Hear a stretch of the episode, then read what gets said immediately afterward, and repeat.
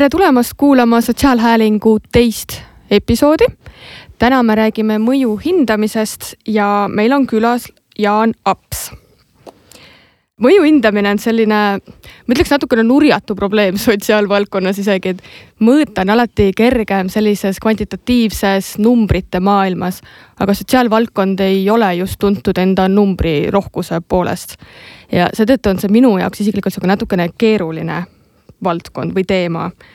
aga samas on mõju mõõtmine sotsiaalvaldkonnas justkui väga oluline, kui me tahame välja tuua sotsiaalvaldkonna väärtust või mingi konkreetse teenuse vajalikkust. näiteks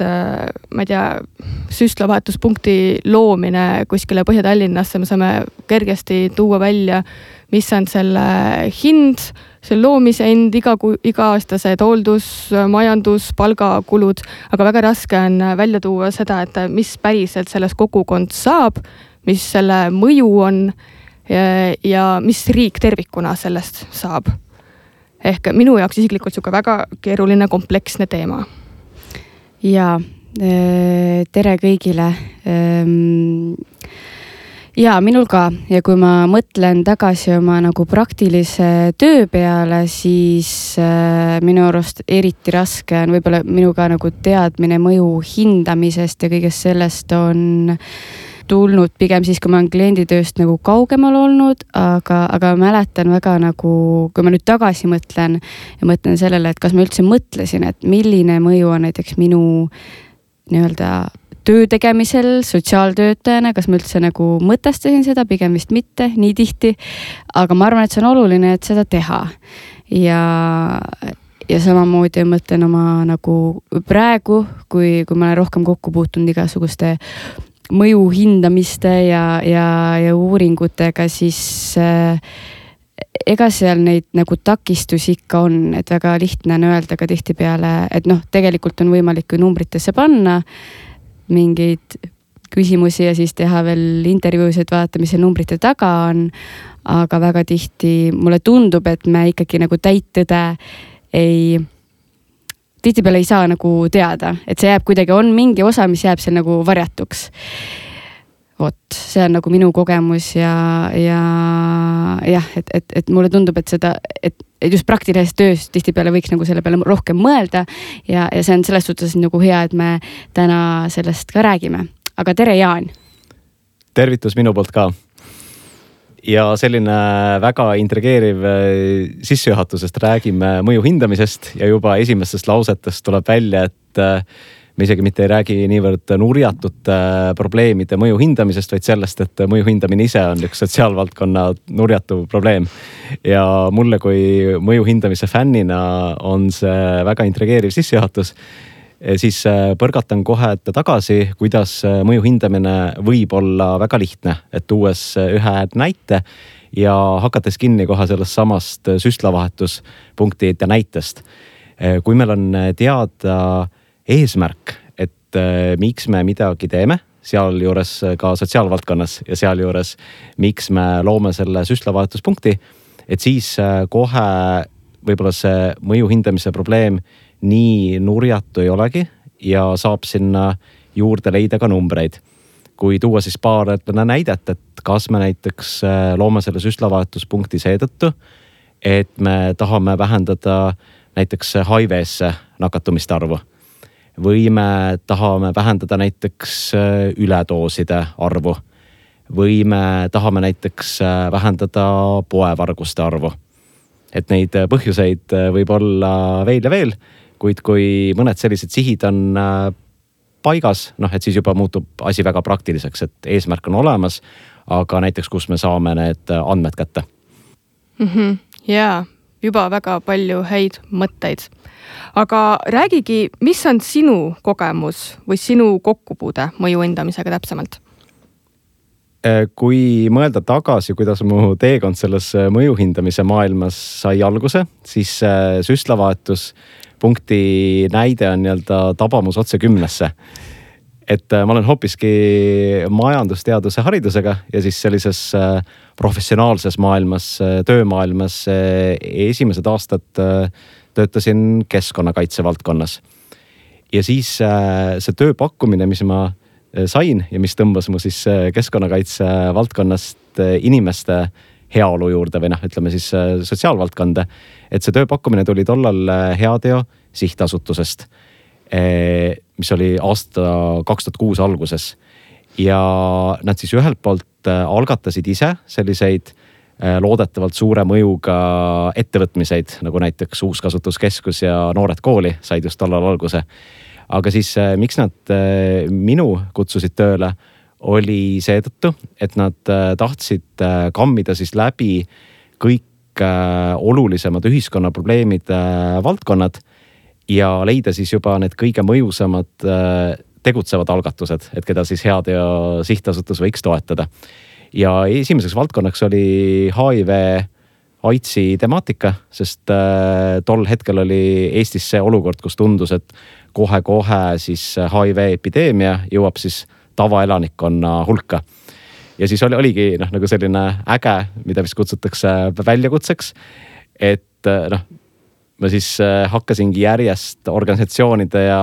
ekspertidega kohtuma, selline noormees äh, seljakotiga, sest äh, sotsiaalvaldkonnas ma sain kohe aru, et ülikonnaga kohtumisele minek on selline no-no, et siis tekib kohe enamuse inimestega barjäär ette. et ühesõnaga, et noormees seljakotiga siis äh, kohtus väga ägedate ja võib-olla mõnikord ka siis selliste keskpäraste MTÜ-dega ja katsus aru saada, et mis nende eesmärk on, mis jälje nad jätavad ja kui nad saaksid kuskilt toetust juurde, et mis siis ikkagi paremaks äh, muutuks. noh, ja siis näiteks üks järgmiseid valdkondi oli laste ja perede valdkond, kust me näiteks ühe väga mõjusa organisatsioonina, et kelle laienemist siis toetasime ka, leidsime näiteks SOS Lasteküla Eesti Ühingu. Brigitte, kas ei teadnud seda? Kusjuures ei teadnud. Ma just mõtlesin see süstlevahetuspunkt, et tõesti kümnest aga aga Jaan, miks üldse, miks me sellest nagu rääkima peame või miks see mõju hindamine on üldse oluline? minu arvates äh, mõju hindamine on oluline seetõttu, et mõju on oluline ja mõju äh, loomine on oluline. ja selleks, et äh, aru saada, et kas meist üldse siis mingi positiivne jälg jääb või et kuidas see jälg võiks olla suurem või kuidas näiteks selliseid kaasnevaid äh, negatiivseid jälgi oleks vähem. et siis äh, tuleb seda mõju hinnata ka. kuid äh, ka mina oma sõnavaras, kuigi see eesti keeles kõlab kohmakalt, ma kasutan üha rohkem ja rohkem sellist väljendit nagu mõju juhtimine. Sest kokkuvõttes ju ka sotsiaalvaldkonnas, noh, me ju tahamegi märgata vajadusi võimalikult vara või tahame märgata võimalikult tõsiseid vajadusi. ja siis me seame selliseid inspireerivaid eesmärke. Ehkki mõnikord natukene inspiratsiooni tõmbab alla see, et need probleemid on nurjatud, aga ikkagi, et kuskilt äh, otsast saab neile äh, läheneda. ja siis me teeme tegevusi ja vot sealt tuleb see hindamine nüüd sisse, et kuidas meie tegevustel läheb, et mida me saame õppida ja kuidas me saame veel äh, paremad olla. nii et katsudes sellele küsimusele lühemalt vastata, et esiteks mõjuteema aitab mõtestada, et miks üldse ja mida me teeme ja teiseks on hästi praktiline, sest loodetavasti siis sellest mõju hindamisest äh, tuleb siis väga palju nippe, et mida me oma töös saame rakendada kas me saame kõike mõõta või on mingid asjad või mingid indikaatorid, mida me mitte kuidagi mõõta ei saa? Äh, kõike saab äh, mõõta, kuid see võib olla väga keeruline ja see ei pruugi tingimata olla siis ütleme rahuldust pakkuv. et millesse ma ise usun, et isegi kui valdkond tundub äh, selline, mida noh, on hästi-hästi äh, raske mõõta või neid indikaatoreid leida. et siis juba suur kasu on sellest, kui hakata kuskilt äh, punnima, sest selle käigus õpib väga palju. et kui tu tuuagi nii-öelda siis äh, seose nende meenutustega,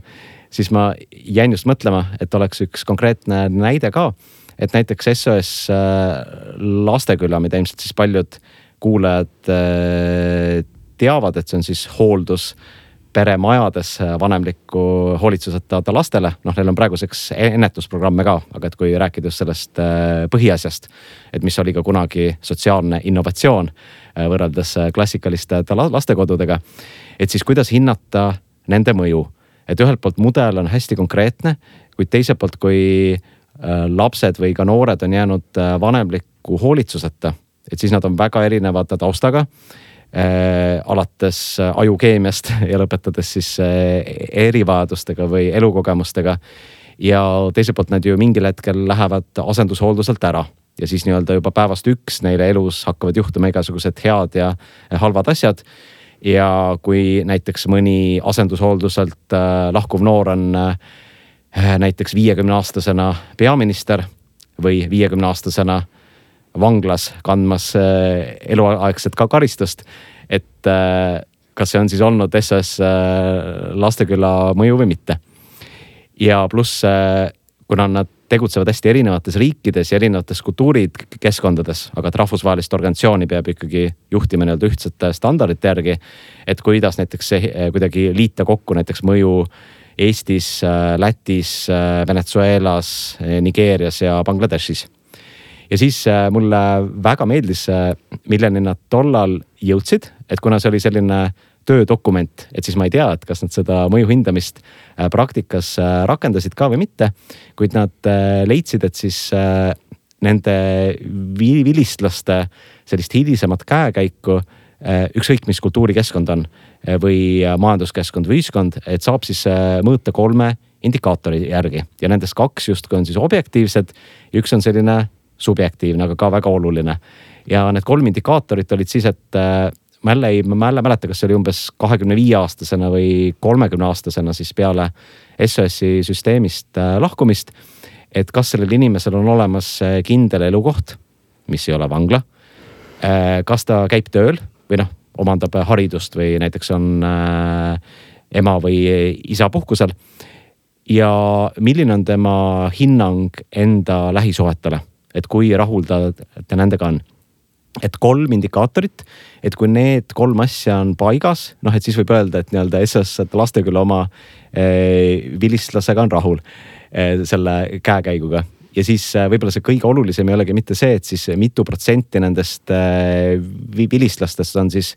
nii-öelda sellise saatuseni jõudnud, kus neil on elukoht ja töö ja õppimine ja nad on oma lähisuhetega pigem rahul. vaid just see, et eh, mida me siis organisatsioonis või selles sotsiaaltöös, et mida me siis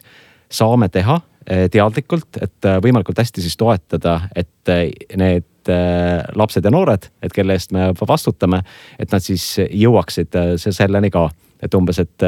mis peab juhtuma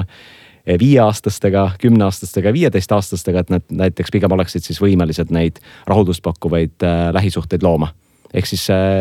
väga keeruline mõõta, aga et kui hakata kuskilt otsast äh, harutama, et siis vähemalt noh, nagu õppimise seisukohalt äh, jõuab, ma arvan, väga oluliste järeldusteni. Mhm, ja selliseid subjektiivsed indikaatorid ei pea kartma, et ka need on täiesti aktsepteeritavad? ja kindlasti ja kindlasti tuleb ka harida erinevaid osapooli äh, selle osas, et kõike ei saa ja ei tohi mõõta näiteks rahas, et ka poliitika kujundamisel, et nii-öelda need Äh, subjektiivsed indikaatorid äh, on ka väga-väga olulised. kui tavaline on äh, sinu kogemusel praegu sotsiaalvaldkonnas mõju mõtestamine ja selle mõõtmine? ütlen niimoodi, et mõju mõtestamine on üha tavapärasem. mõõtmine veel ikkagi üsna harv et need, kes on sotsiaalvaldkonnas rohkem tegutsenud, nendel on küllap tuttav see, et kui on vähegi mängus Euroopa raha, näiteks Euroopa Sotsiaalfondi raha, et siis alati lõpus toimub mingi suur äh, mõõtmine. aga millest näiteks mina ka osaliselt kõrvaltvaatajana tunnen puudust, et võib-olla mõõtmist oleks pigem vähe selliste väga suurte analüüsiprojektidena, aga et seda oleks siis rohkem integreeritud just äh, igapäevatöösse, et inimesed äh,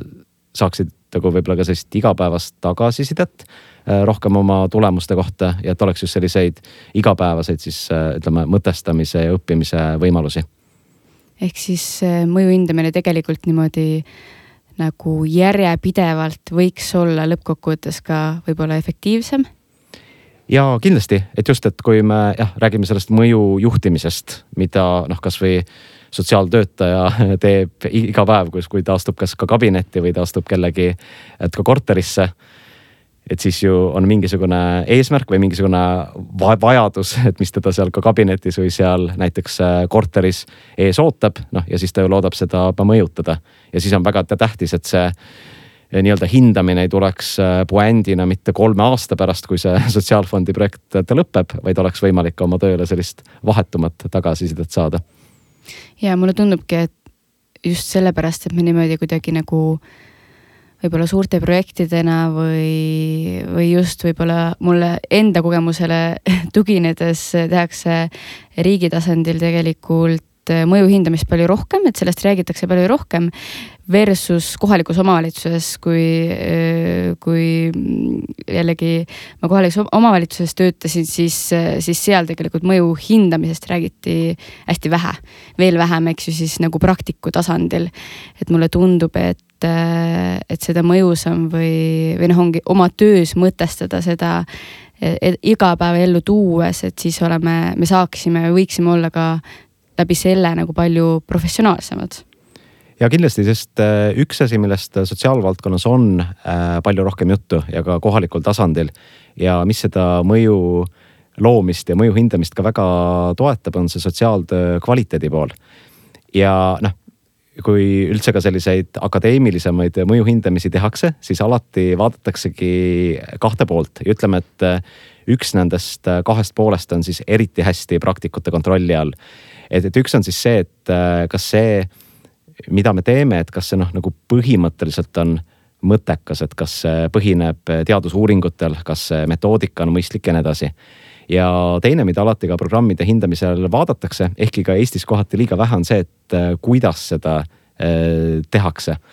sest äh, ja see, see on nüüd see, kus see praktikust sõltub hästi palju. et äh, kuidas ma olen riides, et näiteks, et kuidas klient seda ta tajub äh,. kuidas ma räägin, kas ma täidan oma lubadusi ja nii edasi. et kui tuua siia kohe siis ühe praktilise näite. et ma kuulsin just ühe tuttava käest lugu, kes siis käis hiljuti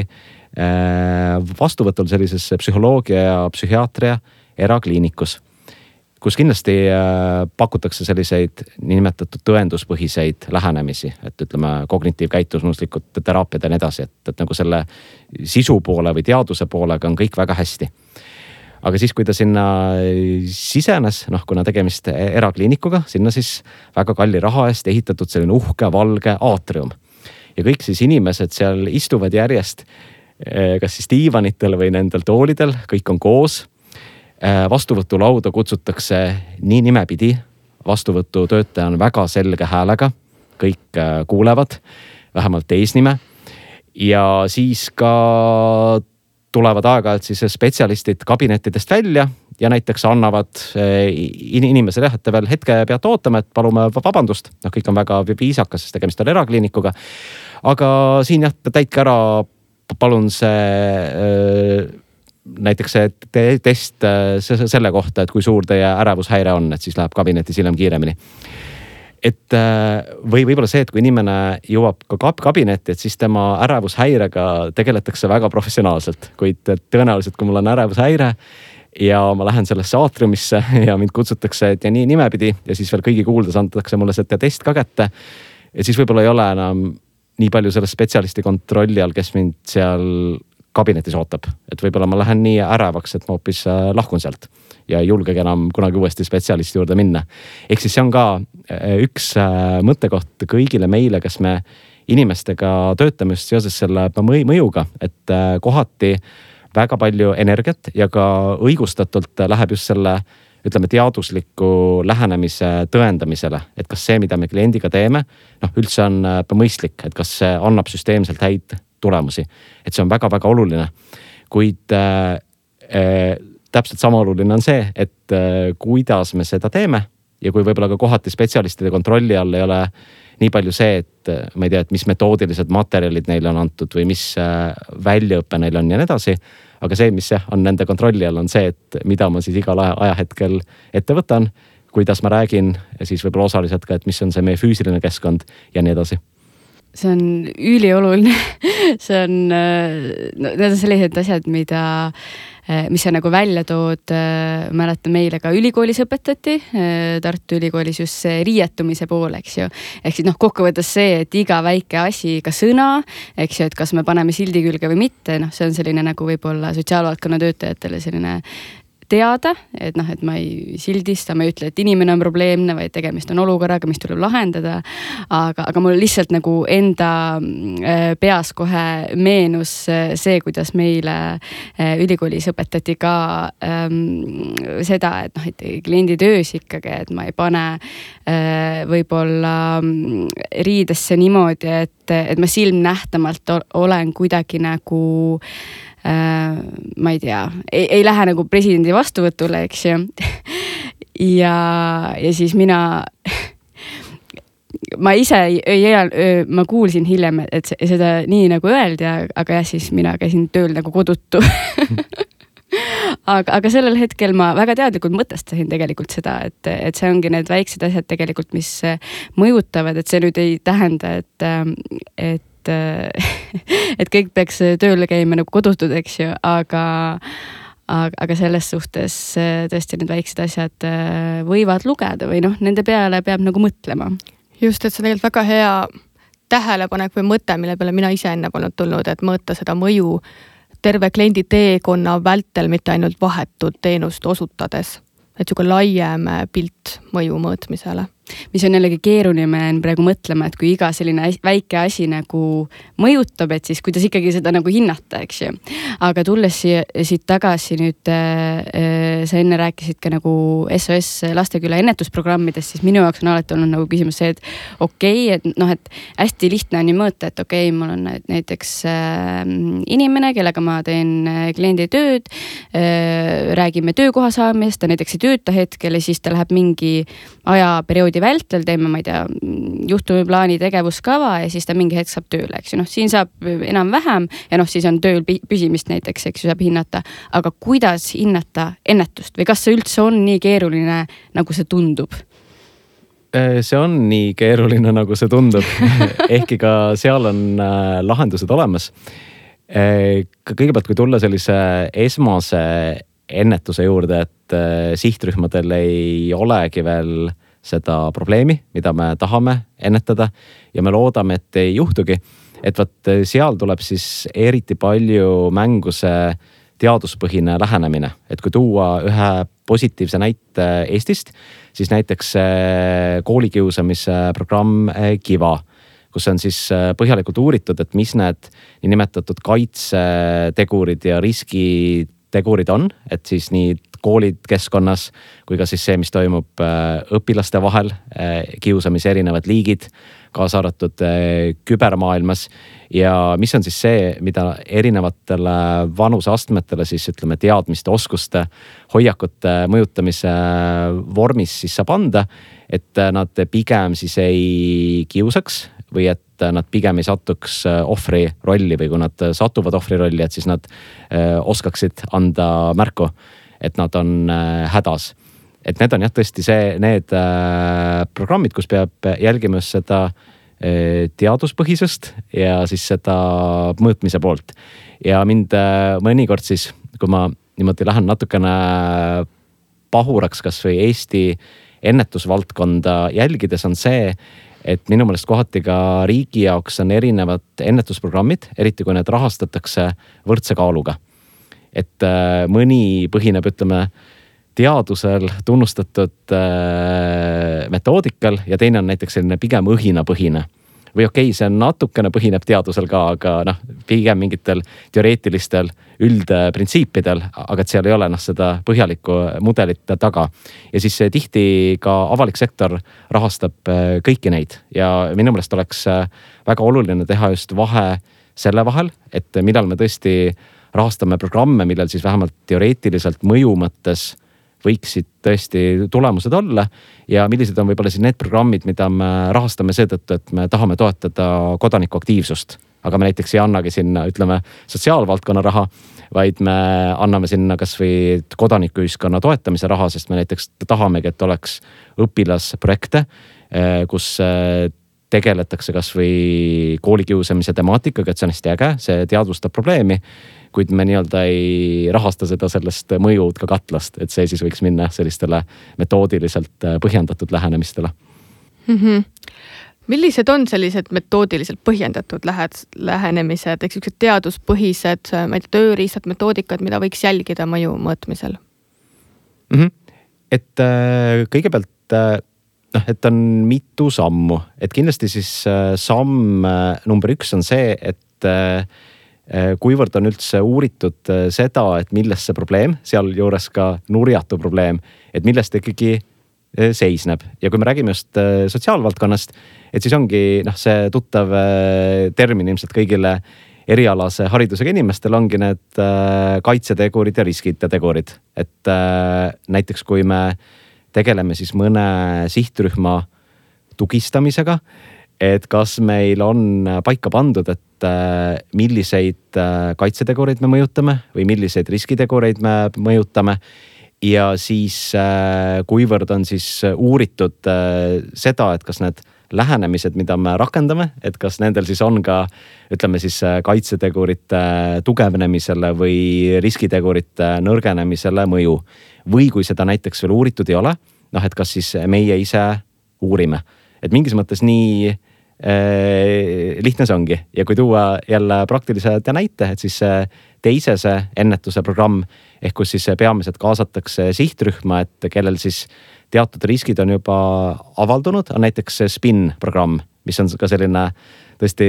tore näide, ütleme sotsiaaltöö ja noorsootöö ja mingis mõttes ka siis äh, huvitegevuse vahepeal, et siis äh, jalgpall ja eluoskused siis äh, noortele, kellel on kogukondades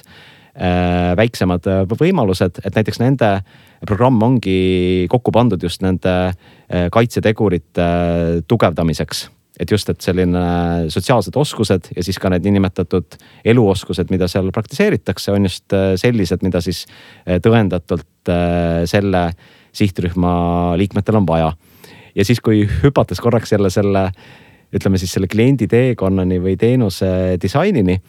et äh, mis ka selles mõju juhtimises praktiliselt äh, aitab, on see, et kui meil ütleme, see teaduspool on paigas ja me teame, et need meetodid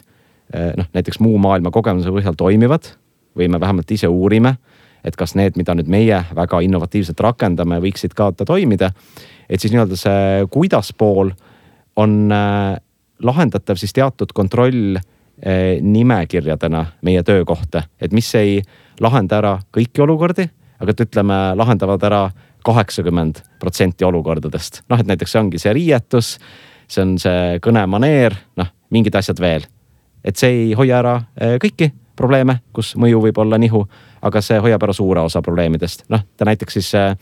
Spin äh, programmi puhul äh, üks asi, mida nad on nüüd hakanud rakendama, on see, et näiteks treenerid jõuaksid natukene varem enne trenni ja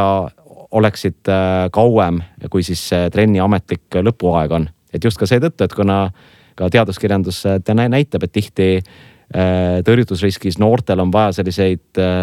täiskasvanud eeskujusid, et kellega ka ajada juttu või anda märku, kui siis noorel on mõni äh, mure ja siis nii-öelda selles praktilises kontrollnimekirjas on see, et äh, väga hea, et näiteks see poolteist tundi trenni ise on äh, ütleme siis nendest metoodilistest põhimõtetest lähtuv, kuid seda metoodikat siis väga olulisena täiendab see nii-öelda klienditeekonna mõttes, et kui noor jõuab näiteks kümme minutit varem kohale, et treener on juba seal ja kui noorel on mure või tal on mingi edukogemus, mida ta tahab jagada, et siis seal see täiskasvanud inimene on, et kellega seda jagada. ehk siis kokkuvõttes jah, see mõju juhtimine või hindamine, see on väga praktiline ja ta on selline üks äh, tervik ikkagi kokkuvõttes lihtsalt äh, see on, see spinn on väga äge äh, võtta lihtsalt kinni, et ma olen ise ka sellega seotud olnud ja see on tõesti, see oli üks minu selline äh, esmane kogemus, kuidas nagu väga kui sa ka nagu nende äh, noortega nagu lähedalt nagu kokku puutud, et siis kuidagi nagu noh, anna, annagi võimalus üheks, ühest poolt, ühelt poolt eh, nende enda nagu eh, olukorra mõtestamiseks, et võib-olla nad ise ei võta seda nii teadlikult, eks ju, aga kuidas mul päriselt on läinud, mis mõju see mulle on olnud, olnud, eks ju. aga teisest küljest see annabki võimaluse teha sellise nagu noh, kokkuvõtvalt, eks ju, hinnata nagu numbrites või, või, või skaaladel, et, et selles suhtes see on tõesti nagu väga äge näide. aga, aga kui, kui, kui võtta nüüd ähm, niimoodi, et kui ma olen sotsiaaltöötaja, ütleme kohalikus omavalitsuses või, või kuskil MTÜ-s töötan igapäevaselt klientidena. kas on mingeid nagu näpunäiteid või võimalusi, kuidas mina eh, isegi mitte nagu kogu konteksti või pilti vaadates niimoodi laiemalt, aga kuidas ma omaenda töö mõju saaksin hinnata? Äh, vastus äh, peitub taas äh, eesmärgi seadmises ja ilmselt sotsiaaltöötajate jaoks on see ka väga seotud motivatsiooniga. et kui mulle tuleb uus klient, et siis need vajadused väga hästi selgitada välja ja siis äh, pannagi paika see, et mis on minu kontrolli all. et mida mina professionaalina antud juhtumi puhul, sest paratamatult see inimolend on ka professionaalsest vaatest juhtum koos siis oma lähiõppevõrgustiku ja kõige muuga. et äh, mida siis mina selle juhtumi osas siis äh, mõjutada saan ja võib-olla, mis on siis need asjad, mis vähemalt praegu minu kontrolli all ei ole. Ja siin muidugi tuleb taas mängu see võrgustikutöö ja siis juhtumikorraldus äh, laiemalt. ehk siis seda mõju ulatusringi on siis ju võimalik äh, laiendada, kui siis teisi häid koostööpartnereid tuleb sellesse juhtumisse juurde. ja millega siis saab äh, ka supervisioonide käigus tegeleda, ongi võib-olla siis need minu mõju ulatuse piirid. et kas ma olen realistlik ja piisavalt ambitsioonikas. Et ega seal ei ole siis noh, ka seda ilmselt praktiliselt ei ole, aga noh, et, et ongi see, et see ambitsioon on väga väike, noh, et sellest ei saagi asja nii-öelda. või siis see, et ma usun, et aasta pärast ta on tööl ja ta on loonud pere ja noh, et see ka võib-olla alati realistlik ei ole, aga et just see vahepealne realistlik ambitsioonikas eesmärk. ja siis saab äh, nii-öelda luua enda peas ka ühe sellise mõttemudeli, mille nimi on äh, muutuse teooria ja mis siis hästi lihtsustatult on siis, et mis see hetke vajadused on ja mis on siis see realistlik eesmärk, et kuhu siis vajaduste pinnalt siis klient võiks välja jõuda koostöös minu kui sotsiaaltöötajaga. ja mis siis need vahepealsed tegevused on, mis siis äh, vajadusest äh, eesmärgini äh, võiksid viia. ja see aitab ka nagu testida, et kas näiteks nende tegevuste jaoks on piisavalt ressurssi või paraku tuleb antud juhul ikkagi seda ambitsiooni kärpida kas see tähendab siis seda, et kui me tegelikult inimesega koos eesmärki ei sea, siis me mõju hinnata ei saa? jah ja ei, Äh, me ei saa hinnata mõju mõtestatult. et me saame muidugi vaadata hiljem, et äh, mis juhtus ja võib-olla ka tagantjärele teha kindlaks, et mis see algseis ikkagi oli. kuid äh, ikkagi see jääb siis nagu selliseks natukene mõttetuks, et ikkagi jah, et see sisukas mõju hindamine, et millest just ka õppida professionaalina on see, et äh, algsed vajadused, eesmärk Eh, kuidas me eesmärgini jõudsime ja siis veelgi olulisemana kui selline jah, ei, kuuskümmend protsenti, nelikümmend protsenti on see, et äh, miks siis niimoodi kokkuvõttes läks nagu läks ja mida sellest siis äh, õppida, et kas mingeid asju teha siis süsteemselt edaspidi ka äh, sellise profiiliga juhtumite puhul või siis teatud asjad, okei okay,, selline kombinatsioon vist ei toiminud, et järgmine kord proovime teistmoodi mulle väga meeldis see mõte, et kui kaasata võrgustikku või koostööpartnereid lähedasi, et siis saab ka selle võrra mõju suurendada. Kas on veel mingeid selliseid viise, kuidas näiteks klienditöös me saaksime teadlikult äh, suurendada enda mõjuhaaret või tugevust mm,? eks see mõju suurendamise võimaluste leidmine saab ikkagi alguse nende algsete vajaduste võimalikult täpsest äh, kaardistamisest. sest siis meil on teada, et mis äh, kliendi elus kõik need erinevad, ütleme siis meie vaatenurgast või omavalitsuse vaatenurgast negatiivsed ja positiivsed mõjutegurid on ja siis me saame ka täpsemalt mõelda läbi, et mida siis meie saame nügida või nügimata jätta. et seetõttu mm, ka sellise mõju juhtimise ja mõju hindamise seisukohalt on väga sellised mm, ütleme nagu vaieldavad või siis võib-olla parema sõnaga vastuolulised väga konkreetse fookusega teenused, nagu näiteks võlaga nõustamine. et ühelt poolt äh, see on, äh, ütleme mõju hindamise seisukohalt super näide, et juba see teenuse nimi ise ütleb ära, et äh, mille osas tuleb mõju hinnata, et järelikult alguses me kaardistame, et võlgade summa on see, noh ja siis lõpus teenuse pakkumise tulemusena on siis mingi uus olukord, et võlad on vähenenud, ajatatud, kergematel juhtudel võib-olla inimesel võlgu enam ei ole või on siis eraisiku pankrot või noh, mis, mis iganes antud juhul siis positiivne äh, lahendus või siis õudne lõpp võrreldes lõputu õudusega on. et justkui hindamise seisukohalt äh, väga hea, et jõudsime selleni, olime edukad, ei jõudnud, kliendi võlad näiteks suurenesid või jäid samade tasemega okei okay,, kui samade tasemega, et võib-olla me aitasime neid kontrolli all hoida, noh et siis juba läheb keerukaks, aga ikkagi noh, et on suhteliselt lihtne hinnata.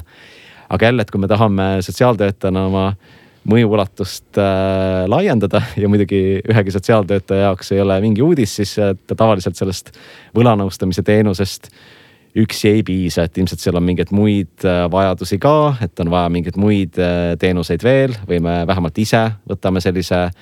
mentori rolli. noh, et siis nagu selline jah, nagu mitmekülgne lähenemine aitab seda mõju ulatust kindlasti suurendada. ja siis minu jaoks ka mõju hindajana oleks okei okay see, kui see selle mõju hindamise pildi ajab äh, segasemaks, et okei okay,, et see inimene sai kolm erinevat teenust, pluss sotsiaaltöötaja ka ise võttis mentori rolli, et me ei saa võib-olla iga teenuse mõju eraldiseisvalt eristada et võib-olla võlad kokkuvõttes vähenesid hoopis äh, pereteraapiate tulemusena, sest inimene sai nii-öelda vaimse tasakaaluta tagasi ja siis tal ka enesekontroll äh, paranes ja siis ta suutis lõpuks hakata ka võlgadega tegelema. aga siis ongi võib-olla oluline jälgida just neid äh, e-, erinevaid heaolu ja toimetulekuid puudutavaid indikaatoreid, et selline termin on ka nagu kompleksindikaator või selline indikaatorite pakett, et peamegi vaatama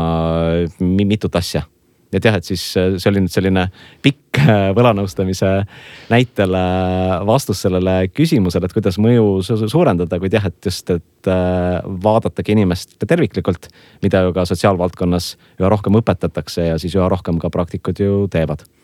mul just enda peas hakkaski peas nagu kerima äh,. ja sellest tulenevalt äh, tekkis see küsimus, millele sa juba ära vastasid, et noh, enda nagu äh, praktikast tuli kohe meelde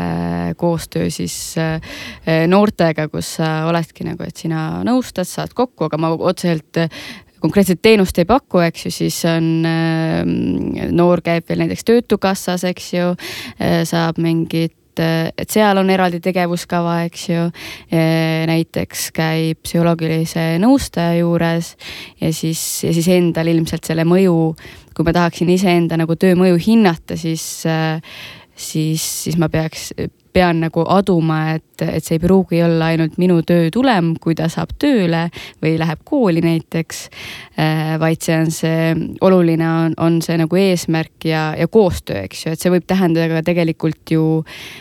väga head sellist ähm, võrgustikutööd või koostööd ja tihtipeale võib-olla siin tasub nagu märkida, et ega see ei ole ka ju võistlus, eks ju, et me teeme kõik äh, ikkagi inimeste heaks äh, koostööd ja, ja see koostöö kindlasti on, on kindlasti annab selle nii-öelda võimsuse sinna juurde. aga jah, mul endal kohe hakkas kuidagi praktikas see, see nagu äh, kerima, et et, hea on, hea on hinnata siis, kui me teame, et on ainult nii-öelda üks teenus näiteks, mida see inimene saab, aga samas me ju ei tea ka, mis seal nagu koduses keskkonnas toimub, äkki seal on mingi suur muutus, mis aitab positiivselt, eks ju, kaasa. ehk siis need väikesed tegurid, mida me ilmselt äh, lõppkokkuvõttes kunagi lõpuni hinnata ei saa. just, et siin ongi võib-olla, et noh, keeruline on panna ju sõrme peale, et vot just see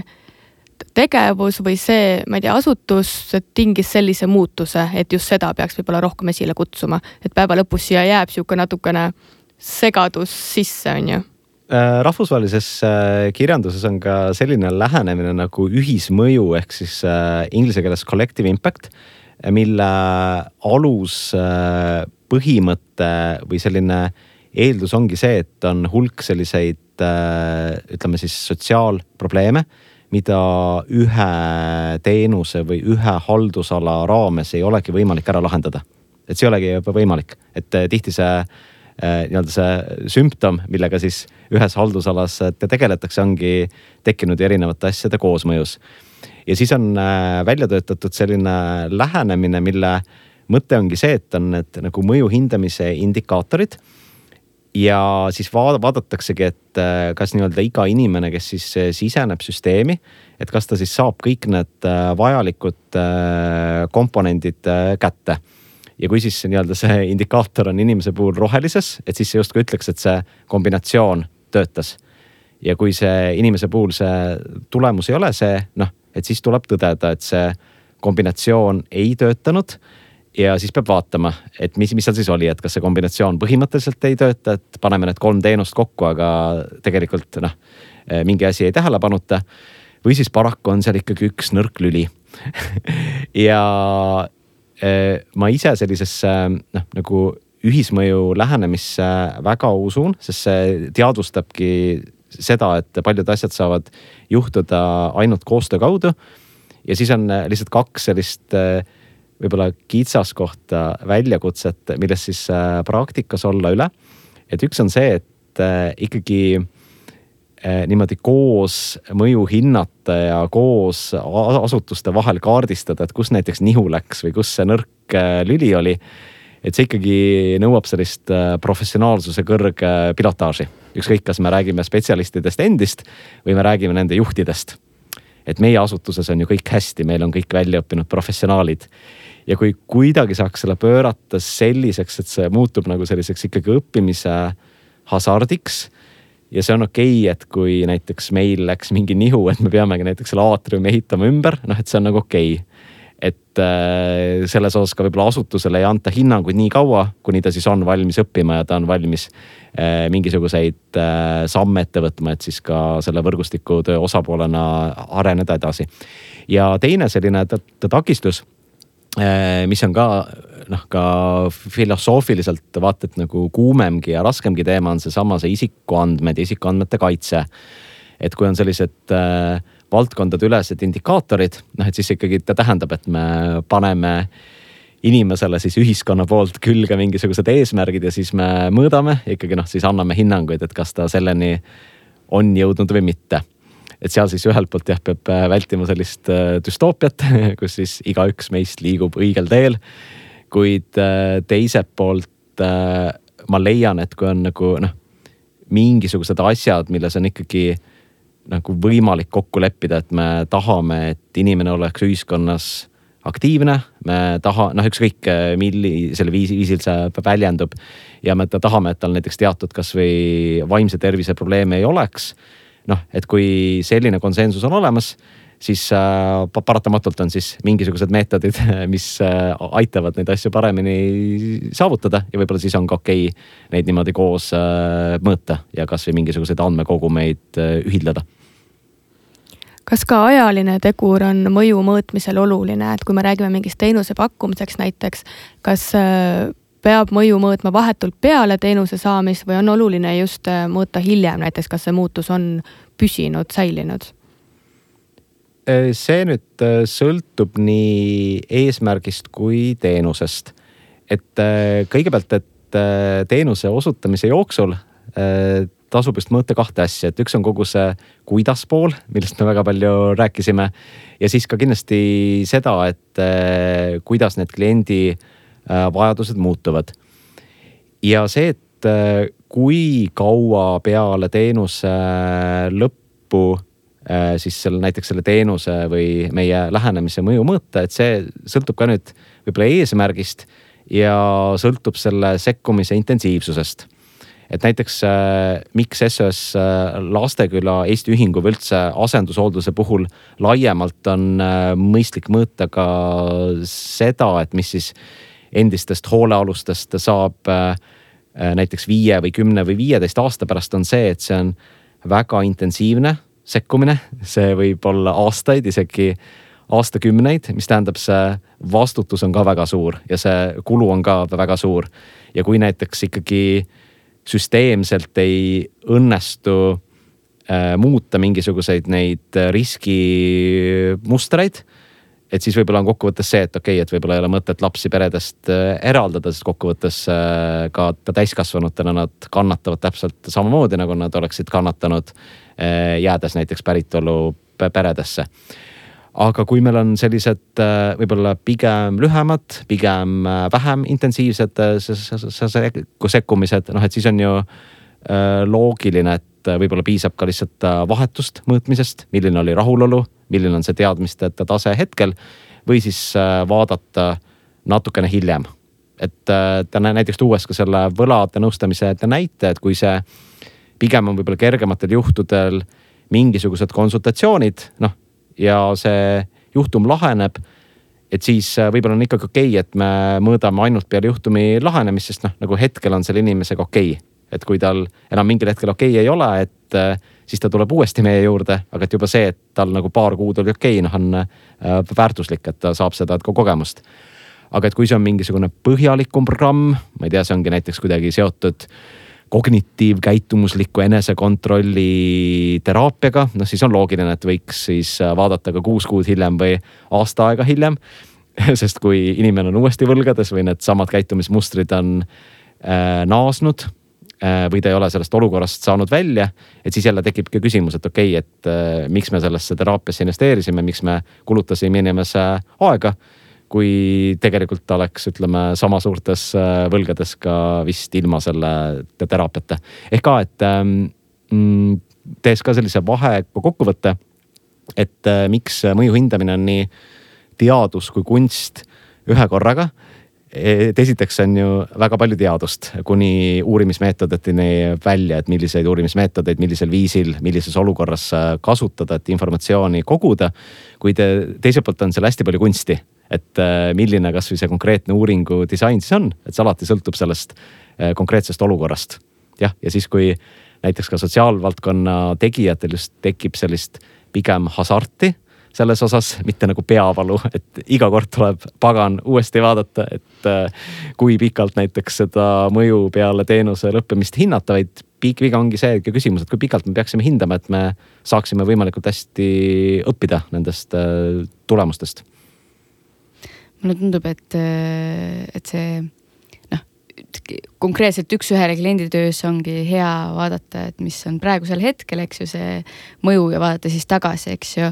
aga tihtipeale meil vist Eestis ongi selline sotsiaaltöö puhul küll vähemalt ongi see kuus kuud, eks ju. et, et ma, ma ei, ma ei tea, kas üldse on vaadatud nagu kuidagi nagu kaugemale, et näiteks, mis on äh, juhtunud äh, või mis olukorras on need inimesed on näiteks kolme aasta pärast. Kas sa tead, kas on selliseid uuringuid ka tehtud või? sellist järjepidevust sõltuvusnõustamises on küll, et noh, erinevad rehabilitatsioonikeskused muudavad ikkagi, seal ongi eraldi mõõdik kaks aastat kaine ja siis noh, seal on küll kolm aastat, aga kaks aastat on ka tegelikult väga longitutuurne ikkagi noh, monitooring. ja et äh, väga palju ei ole. et äh, ilmselt äh, mitmel põhjusel, et üks on seesama, et kui pikalt siis äh, vastutus saab ette võtta. Ja teine põhjus on ka see, et äh, võib-olla me kardame natuke neid tulemusi, mis sealt äh, võivad tulla. ja seetõttu minu soovitus oleks see, et äh, selliseid pikemaajalisi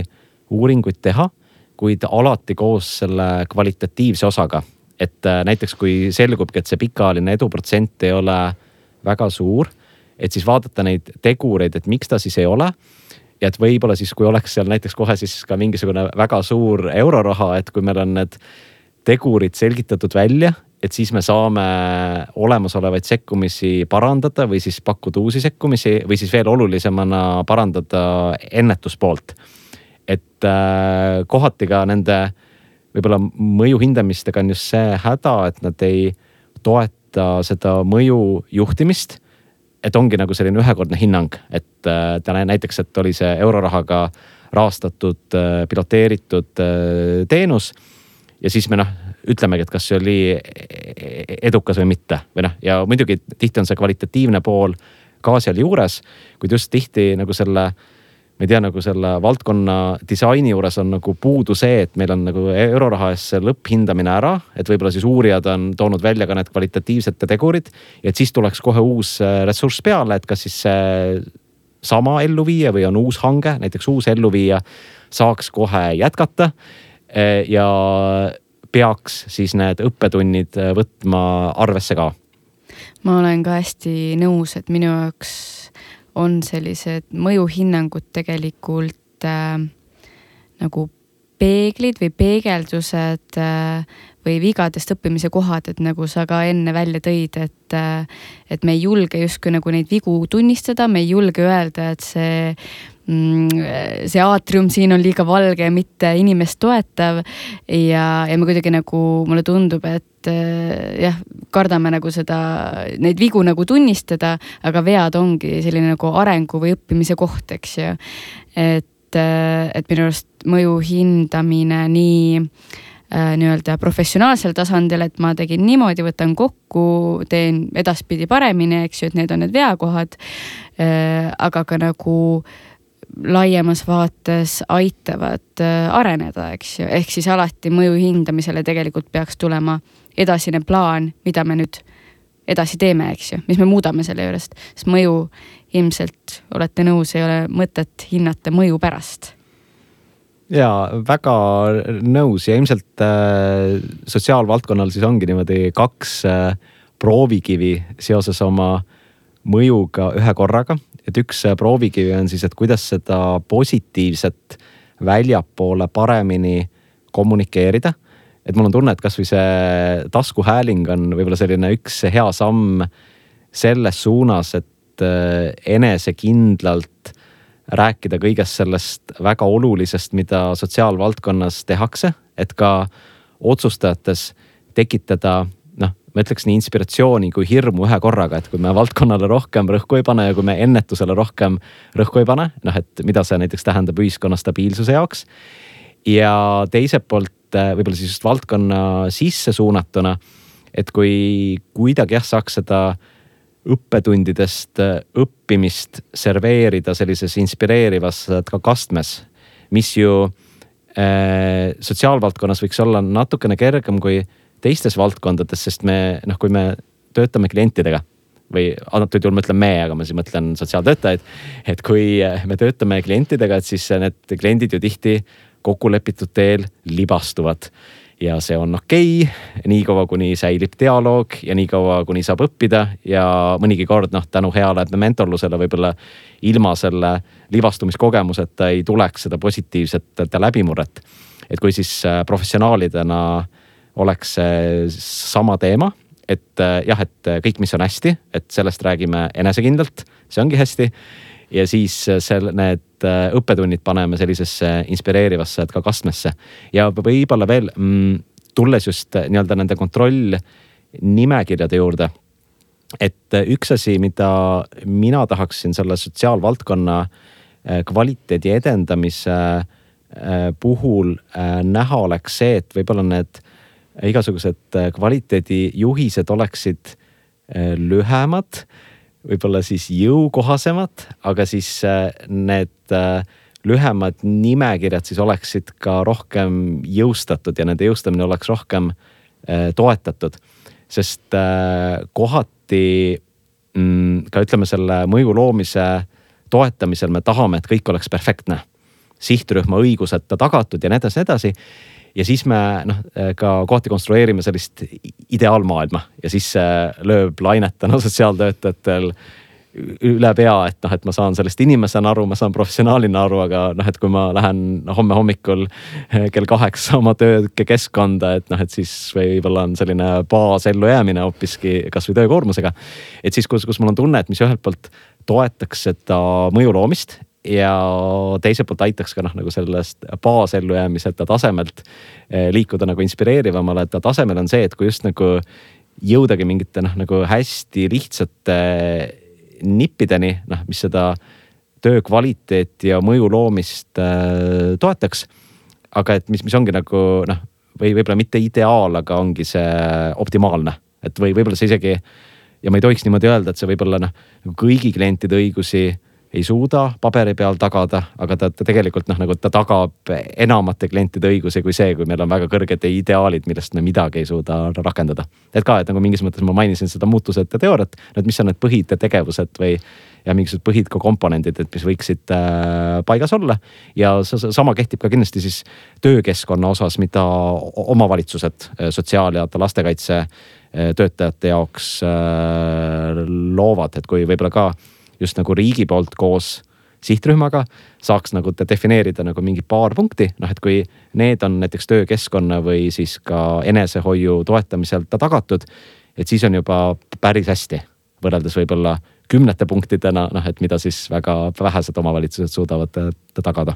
nii jah, et nii, et ka, et võib-olla just see, et kuidas nagu see mõju juhtimise toetamine saaks nagu hingerahu anda rohkem see läheb väga hästi kokku, mis sa välja tõid äh, meie esimese podcast'i sisuosaga, et kes ei ole veel kuulanud, siis kindlasti äh, otsige üles äh, Sotsiaalhäälingu esimene osa. Jane Väli oli külas ja rääkiski just äh, enesehoidmisest ja, ja tööalasest toetamisest, mis on nagu näha, lingib väga hästi ka tänase osaga, suurepärane ja sest kui näiteks hinnatakse äh, tõenduspõhiseid programme et kas nad on endiselt äh, tõenduspõhised. et siis üks äh, komponent ongi alati ka läbiviijate äh, toetamised kui komponent. et milline on nende täiendõpe ja millised on siis need enesehoiu võimalused. lisaks siis sellele, et mida pakutakse noh, ja siis millisel viisil näiteks selle sekkumise sihtrühmaga tegeletakse, aga et just, et kas jah, nagu selline kvaliteedi ja jätkusuutlikkuse komponent on selles mõttes ka paigas kuna käes on detsembrikuu ja on selline heategevuse aeg suuresti, siis äh, mõtlesime, et räägime natukene ka mõju hindamisest heategevusvaldkonnas. ehk kas on äh, midagi, kas mõju hindamine on äh, heategevus organisatsioonides teistmoodi, kui on näiteks sotsiaalvaldkonnas või ikkagi mõju hinnatakse nii, nagu mõju hinnatakse? kindlasti ta vähemalt peaks olema samasugune, sest äh, tegeletakse ju inimeste toimetuleku ja heaolu ja arengu toetamisega, noh ja tihti ju äh, mittetulundusühingutel on samasugused võimalused ja samasugused äh, kitsaskohad nagu ka avalikus sektoris. nii et kindlasti, kui annetusotsuseid teha, siis see mõju pool on ju väga oluline, sest kui me hakkame sellele pikemalt Äh, mõtlema, siis äh, võiks ju olla niimoodi, et me ei saa head enesetunnet annetusest enne kui me ei ole siis kindlad, et see siis ka loob sellist positiivset mõju selle organisatsiooni kaudu, keda me toetasime. kas on olemas sihuke väikene checklist või selline nimistu, mida ma peaks enne enda aja, raha või mingite muude ressursside annetamist jälgima, et see oleks tagatud, et päriselt ka oleks mingi mõju minu panusele? jah, aga esiteks on tegemist äh, väga põneva filosoofilise teemaga, sest on inimesi, kes äh, usuvad, et objektiivselt on äh, võimalik erinevaid valdkondi ja organisatsioone võrrelda, et nii-öelda üks valdkond või organisatsioon, et kui sinna panustada, et see loob siis ühiskonnale mõõdetavalt rohkem väärtust kui teine. mina sellesse pigem ei usu, äh, sellepärast et kui hakata nendesse nimekirjadesse rohkem sisse vaatama, et siis nad väärtushinnangud on ikkagi all ja siis on nagu pigem see, et kes millist filosoofiat eelistab, aga noh, üks filosoofia ei ole parem kui teine. Äh, millesse ma usun, on äh, võrdlustes valdkonna sees ja siis mõned asjad veel. et kui siis anda paar vihjet, et kõigepealt, et kui te vaatate erinevaid heategevusorganisatsioone äh, valdkondade sees, et siis ta tasub toetada just äh, neid, et kes siis just äh, ütleme nagu teaduslikus mõttes on siis põhjendatumad või kogenumad. ja et mitte kellelegi spetsiaalset reklaami teha, et võime siis juba tuua näidetena neid organisatsioone, et kellest on siin juttu olnud, noh et näiteks tõenduspõhine ennetus, äh, kiusamisvaba kooli äh, programm. võrreldes paljude teiste ennetusprogrammidega, nad on siis tõendatumad nii Eestis kui mujal. või näiteks seesama äh, SPIN programm, et ka, et neil kasvõi kiusamisvaba kooliga võrreldes oma tõenduspõhisuse suunas on veel mitu sammu astuda võrreldes keskmise programmiga on nad hullult tõendatud mõjuga väga-väga mõjusad. või seesama SOS Lasteküla Eesti Ühing, kelle puhul siis lisaks sellisele perelähedasele hooldusele tasub siis esile tuua ka selle, et nad on ajalooliselt olnud ka sellised sotsiaalsed innovaatorid või süsteemi Äh, muutjad, ehk siis äh, mingis mõttes ka Euroopas nad olidki sellise äh, perele lähedasema siis asendushoolduse nii-öelda mitte siis maaletoojad, vaid lausa leiutajad. ja siis iga inimene võib lisada siis teatud kriteeriume veel, et näiteks üks selline intrigeeriv kriteerium on kõrvalejäetus. et millised on need olulised valdkonnad kuhu keegi peale minu ei anneta. et näiteks kunagi Heateo sihtasutuses äh, kaks tuhat kaheksa äh, me aitasime luua siis Swedbankile seda Ma armastan aidata annetuskeskkonda ja siis seda hallata ka, noh ja siis see heategu on seal äh, partneriks juures siiamaani. ja siis ma mäletan, et ka Swedbanki tollane väga tore ja strateegiline soov oli see, et seal oleks siis eri tüüpi organisatsioone. et äh, alates siis äh, lastest ja loomadest ja lõpetades äh, uimastisõltlaste rehabilitatsiooniga. ja üllatus-üllatus kellele siis läks üheksakümmend üheksa protsenti inimeste annetustest jõulude ajal muidugi lastele ja loomadele ja uimastisõltlaste rehabilitatsioon sai ka midagi natukene mingid eurod. ehk siis üks äh, mõte on ka see, et äh, kui te tahate niimoodi strateegilisemalt läheneda, siis kindlasti on valdkondi, mis on ühiskonnale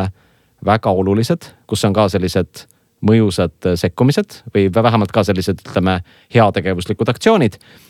ja noh, et mis siis jõuavad otse abivajajateni. aga kuhu keegi teine eriti ei anneta, et siis teie euro nendes valdkondades võib olla veel eriti väärtuslik väga hea sisend mõtlemaks, et kuhu siis äh, detsembris annetada. mina ise mm, mõtlesin ka, et kuidas siis mina olen kuidagi nagu mõelnud selle annetamise või heategevuse peale, siis ma varasemalt olen olnud rohkem seda meelt, et, äh, et mitte raha, vaid aega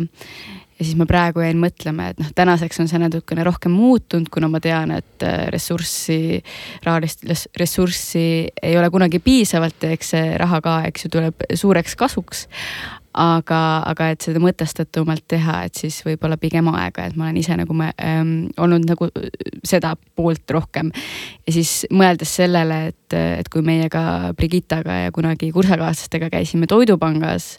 äh, nii-öelda poes siis lipikuid jagamas, et ikkagi kui Toidupangale annetatakse, väga äge ähm, aeg oli. et siis äh,, siis ma ka, ma ilmselt kordagi ei mõelnud selle peale, et huvitav, mis mõju sellel on. et nüüd tagantjärele siis mõelda, mõelda mõeldes, et, ähm, et kindlasti teeks nüüd seda või teen seda strateegilisemalt. aga, aga võttes kokku ja tulles küsimuse juurde, et siis ähm, kas, kas sellele üldse, ma usun, et sellel ei ole ühest vastust, aga kas pigem raha või aega? on äh, ühene vastus, kui inimene äh, tahab ühiskonnale tagasi anda, tahab äh, panustada, siis on mõistlik anda mõlemat kõigepealt eh, rahalises mõttes ilmselt eh, organisatsioonidele suurim jõulukingitus on teha püsiannetuse. sest see ühelt poolt annab sellist stabiilset sissetulekut, et eriti kui püsiannetajaid on palju. ja teiselt poolt, olles ka ise vabaühendustest ja tegutsenud, et need püsiannetajad annavad väga palju sellist moraalset tuge, et see ei ole noh, võib-olla ongi, et jõulude ajal suurem summa küll aga siis tulevad ju jaanuar ja veebruar ja kas siis ka ühiskonnas keegi mõtleb meie väärt algatuse peale. ja siis püsiannetaja igal näiteks viiendal kuupäeval laekuv summa annab kinnitust, et jah, et äh, tema mõtleb ja tema mõtleb ja tema mõtleb. ja siis äh, aja osas, äh, aja osas on see, et see annab võrreldes rahaga palju rohkem võimalusi ja jälle ka ise õppimiseks. et kindlasti siis eristaks ka kahte erinevat viisi, kuidas aega annetada, et üks on siis just äh, nii-öelda füüsilise tööga, et kasvõi Toidupank või minna kasvõi Maarja külla talgutele. et ka, et, et ühelt poolt see on äh, nii-öelda käed küljes aktsioon, tihti kui see toimub avalikus ruumis, see on ka teistele hea eeskuju, mis tähendab, et see mõju on laiem ja kolmandalt poolt see tihti annab ka nendele organisatsioonis tegutsejatele sellist positiivset impulssi. Et jälle üks on see annetus, aga teine on see, et inimesed, kellel on ka võib-olla tööalaselt või seoses perega hästi-hästi kiire, et nad on ikkagi valmis tulema kohale ja selle pool päeva näiteks võtma. ja siis teine on äh, panustamine oma professionaalsete oskustega. et see on mingis mõttes keerulisem, sest seal võib sellist, ütleme, head match'i organisatsiooniga olla raske leida, kuid siis see väärtus võib ka olla väga-väga suur. et ükskõik, et kas siis tegemist on IT-oskustega või kasvõi olla selliseks, ma ei tea, siis teenuse arendamise või juhtimismentoriks. et ka, et see võib olla midagi, et kuhu saab just selle oma tööalase kogemuse ja elukogemuse ja isiksuse eh, sisse tuua kui, kuid jah, et seda match'i võib olla ühelt poolt keeruline leida, aga et kui te näiteks leiate sellise vabaühenduse või mõne äh, programmi või miks mitte ka näiteks äh, omavalitsuse juures teha vabatahtlikku tööd, kui te otse te näete, et okei okay,, see on avalik sektor küll, aga sellel on mõjud ka kogukonnale. et siis kindlasti selliseid võimalusi tasub ka otsida ja, ja ma tooks siia juurde võib-olla selle ka, et tegelikult mõju ju enda heaolule on ka või see mõjutab ka ise, et, et ma arvan, et siis, kui kellelegi head eh, teha ja oma aega panustada, et siis ega see ju meelt kurvaks ei tee. Kas ma tohin eh, lõpuks intrigeerida ka korra? et Muidugi. äh, ma jäin mõtlema, et äh, nüüd ma ise muutusin niivõrd äh, malbeks ja ütlesin, et kõik on hea, mida te jõulude ajal teete, et võite anda äh, raha ja püsiannetusi ja käia ühekordsetel aktsioonidel ja panustada oma teadmistega ja kuidagi nüüd see hindamise pool, mille pärast te mind üldse kutsusite, et see kadus kuidagi ära. et hindamine on ikkagi väga oluline, sest äh, on ka välja toodud et äh, näiteks keskajal olid sellised heategevusaktsioonid, et inimesed kogusid äh, puid selleks, et põletada nõidasid. selle mõju või näiteks ühed äh, suurimad heategevuskampaaniad läänemaailmas üldse olid siis äh, esimese ja teise maailmasõja ajal, et siis inimesed annetasid raha, et äh, osta sõduritele sigarette. kaasa arvatud siis nendele, kes paranesid haiglates ehk siis äh, alati igasuguse andmisega kaasneb ka vastutus ja just seetõttu ta tasub äh, natukene sellist äh, ka valdkonna tausta uurimist äh, teha, et esiteks, et ega me kogemata halba ei tee. ja teine on just see, et kui on mitmed organisatsioonid ja kõiki korraga aidata ei jõua, et siis äh, leida ikkagi see organisatsioon, et kus siis meile mingi tõendusmaterjali põhjal tundub, et äh, seal igal juhul Äh, kas siis ütleme, abivajajate eludesse jääb selline otsesem jälg või siis äh, kohe veel ei jää, kuid me aitame kellegi arendustööle täiega kaasa. Ma arvan, et siin on ülihea kokkuvõte sellega, et tuleb teadlikult äh, siis head teha või annetada või siis panustada oma aega, sest me kunagi ei tea, et muidu võib lõpuks päädida see nõidade põletamisega, eks ju aga, aga Jaan, kas on midagi veel lõpetuseks, mis sa sooviksid äh, välja tuua mõju hindamise kohta või, või mis on eriti nagu oluline, mõni mõte, mis võib-olla täna siin äh, läbi ei ole käinud? Äh, hoopiski kordan ühte mõtet, mis käis läbi, kuid mis on see kõige praktilisem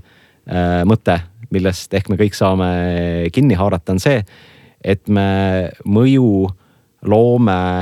iga oma sammuga, kas siis näiteks naeratades või äh, naeratamata jättes.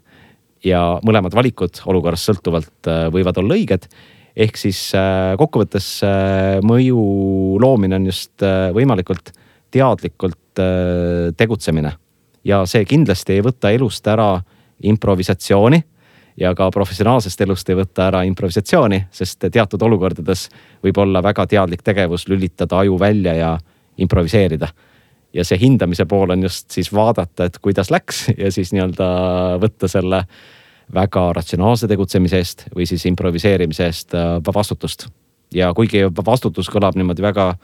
tõsisena, siis ma loodan, et mu vähemalt hääletoon suutis äh, tänases taskuhäälingus edasi anda seda, et see pigem on põnev ja hasartne ja muudab professionaalse elu põnevaks minu jaoks küll tegi, muutus see kuidagi nagu hoopis teise nurga alt või kuidagi palju põnevamaks kui äh, iga päev kuidagi nagu paberi pealt lugedes või, või olles kuidagi nagu teistmoodi selles sees, et, äh, et äh, suurepärane, mina ütleks. Ja, ja meil on tegelikult lõpu, lõpetuseks siin ähm, väike üllatus ka küsimuste näol, et veel ei ole kõik, me ei lase sind veel ära. Oi-oi ehk siis meil on iga saate lõpus on äh, lõpuküsimused, mis tähendab seda, et meil on kolm küsimust, millele vastus äh, sinult peab olema selline lühike, konkreetne. Äh, ja ehk siis väga palju mõtlemisaega ei ole ja esimene küsimus on siis selline, et mis sind äh, sinu töö juures äh, inspireerib igapäevaselt? Äh, inspireeribki see kombinatsioon intellektuaalsest väljakutsest ja töötamisest inimestega, kes tahavad muuta teiste inimeste elu paremaks kas sul on mõni raamat, mida sa soovitaksid kuulajatele, et ta võib olla nii mõju hindamisega seotud või kasvõi täiesti ilukirjanduslik? Äh, soovitan inimestel üldse lugeda rohkem ilukirjandust, sellepärast et äh, see õpetab nii enda kui teiste toimimise kohta tihti rohkemgi kui psühholoogia käsiraamatud. kuid äh, see, äh, milline ilukirjanduslik teos mõjutab hinge kõige rohkem, see tuleb ikkagi igalühel endal avastada. kui üks raamat ei sobi, võtke kohe järgmine.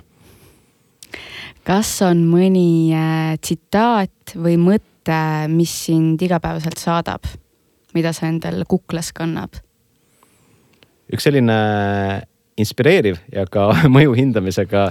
seotud äh, tsitaat on siis äh,, ma loodan, ma nüüd hääldan õigesti, Saint-Exuperilt äh,, mis on midagi taolist, et meie asi ei ole tulevikku prognoosida või ette näha, vaid seda võimaldada. ja see haakub väga selle mõju juhtimisega, et on muid mõjutegureid veel, kuid meie saame nii-öelda need tegurid eh, seada ritta siis tuleviku mõjutamise seisukohalt, mis on siis meie kontrolli all. Brigitte, kas sa tahad lõpetuseks midagi veel öelda või kuidas sa tänase saate kokku võtad? mina jäin rahule, ma sain palju erinevaid äh, mõtteid, ideid ja kuidagi jah, nagu Kelly ütles, hästi avas seda teemat natuke teise nurga alt, kui ma ise varem teadsin või oskasin internetiavarustest otsida. nii et äh, aitäh sulle ja aitäh kutsumast ja väga põnevate küsimuste eest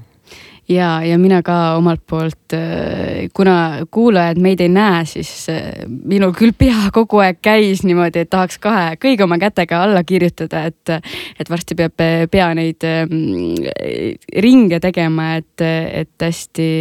hästi inspireeriv ja mõtlemapanev ja ma arvan, igalühel teilt, kes, kes te seda osa kuulete, äh, on siin mõtteainet, mida oma igapäeva professionaalse töö, professionaalses töös rakendada, aga ka organisatsiooni tasandil, eks ju, et kuidas paremini või kuidas üldse paremini mõtestada seda mõjuhinnangut. nii et äh, Jaan nii,, nii-nii suur aitäh, et sa meie saatesse tulid ja, ja kindlasti veel kohtume ja, ja ka ilusat jõulu ja advendiaega. aitäh, häid pühi. head aega. thank you